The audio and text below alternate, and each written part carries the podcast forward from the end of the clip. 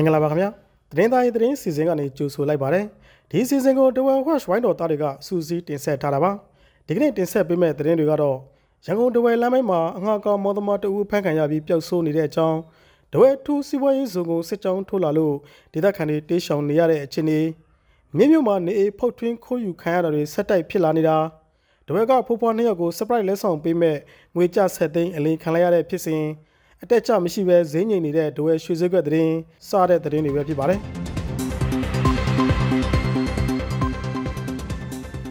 ရန်ကုန်တဝဲလမ်းမိုက်မှာအငှားကောင်မော်သမားတဦးဖမ်းခံရပြီးပျောက်ဆိုးနေပါတယ်လက်နက်ကိုင်အဖွဲ့တစ်ခုရဲ့ဖက်စီတာခံရပြီးတရင်အဆနမရပဲပျောက်ဆိုးနေသူကတော့တဝဲခရင်လောင်းလုံးမြို့နယ်သဘောဆိတ်ရွာသားဥကျူဝင်းသိန်းဆိုသူဖြစ်ပါတယ် အော်တိုဘာလ12ရက်ကဒဝဲကနေရန်ကုန်မြို့ကိုကောင်းမောင်းပို့တဲ့အချိန်မှာအရက်ဝတ်လက်နက်ကိုင်လူတစုနဲ့တရင်သားလက်နက်ကိုင်အဖွဲ့တစ်ခုဖြစ်တဲ့ DKBA စစ်ယူနီဖောင်းဝတ်ဆင်ထောက်သူတွေကဖမ်းဆီးသွားတာဖြစ်တယ်လို့မိသားစုနဲ့နှိစက်သူတူကပြောဆိုပါတယ်။မော်ဘီနဲ့ရေးမျိုးထွက်စစ်ကောင်စီချင်းမြန်တပ်ရင်968အလွန်မှာဖမ်းခံရတာလို့ဆိုပါတယ်။ကားပေါ်ပါလာတဲ့ခရီးသည်တွေကိုပြန်လှော့ပေးလိုက်ပေမဲ့ကားသမားကိုတော့ဖမ်းဆီးသွားတာလို့လည်းဆိုပါတယ်။ ဖမ်းခံရတဲ့နေရာထိမိသားစုကလိုက်လံစုံစမ်းခဲ့ပေမဲ့တရင်အဆနမရသေးပဲဒီကနေ့ထိပျောက်ဆုံးနေဆဲဖြစ်ပါတယ်။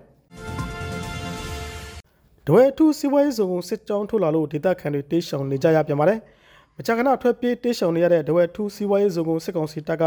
ဒီကနေ့အော်တိုဘာလ19ရက်မနေ့ပိုင်းမှာစစ်ကြောင်းထိုးလာပြန်ပါတယ်။မနေ့ပိုင်းထိရထားတဲ့အချက်လက်တွေရ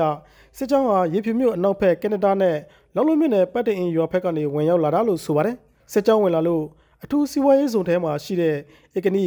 ဝက်ချောင်းခမောင်ချောင်းရလိုင်ပကောစုံစတဲ့ကျေးရွာ900က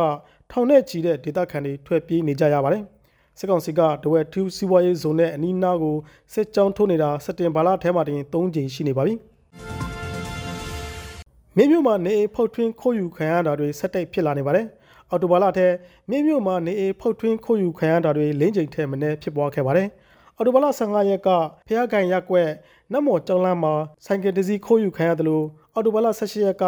ပါရမီရက်ကွက်ကနေတဆောင်မှာလဲဖောက်ထွင်းခံရပြီးဖုန်းနဲ့ရွှေထည်ပစ္စည်းတွေပါသွားခဲ့ပါတယ်။အလားတူအော်တိုဘလာပထပပကလည်းရွှေပြည်တန်ရက်ကွက်ကနေတဆောင်တဲ့လက်ကင်ဖိုးတွေအခိုးခံရပြီးနောက်ထပ်နေတဆောင်မှာလည်းရေစုပ်ဆက်တက်ဆင်ထားတဲ့လေအိုးတလို့အခိုးခံရပြန်ပါတယ်။အရာတပီနောက်ပိုင်းမြင့်မြို့မှာလူရက်တာဆိုင်ကယ်ခိုးခံရတာစတဲ့ဒုစရိုက်မျိုးစုံဖြစ်ပွားနေပါတယ်။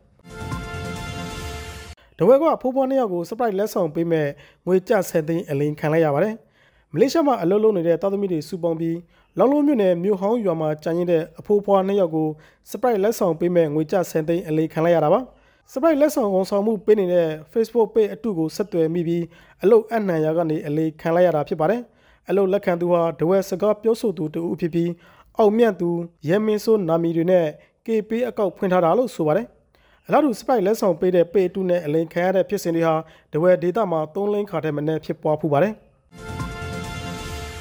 ဒဝဲဈေးကွက်ထဲအတက်ကြမရှိဘဲရွှေဈေးညင်နေပါတယ်။ဒဝဲဈေးကွက်ထဲအခောက်ရွှေတစ်ကြက်သား34သေး4000ကျပ်နဲ့အတက်ကြမရှိဘဲဈေးညင်နေတာနှစ်ရက်ဆက်ရှိနေပါပြီ။ဒီတစ်ပတ်ရွှေဈေးကွက်စဖွင့်ရဖြစ်တဲ့အော်တိုဘလ73ရက်က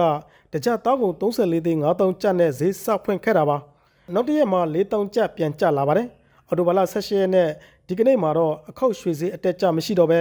34သေး4000ကျပ်ဝတ်ကျင်တဲ့အယောင်းဝယ်ပြုလုပ်နေကြတာပဲဖြစ်ပါတယ်။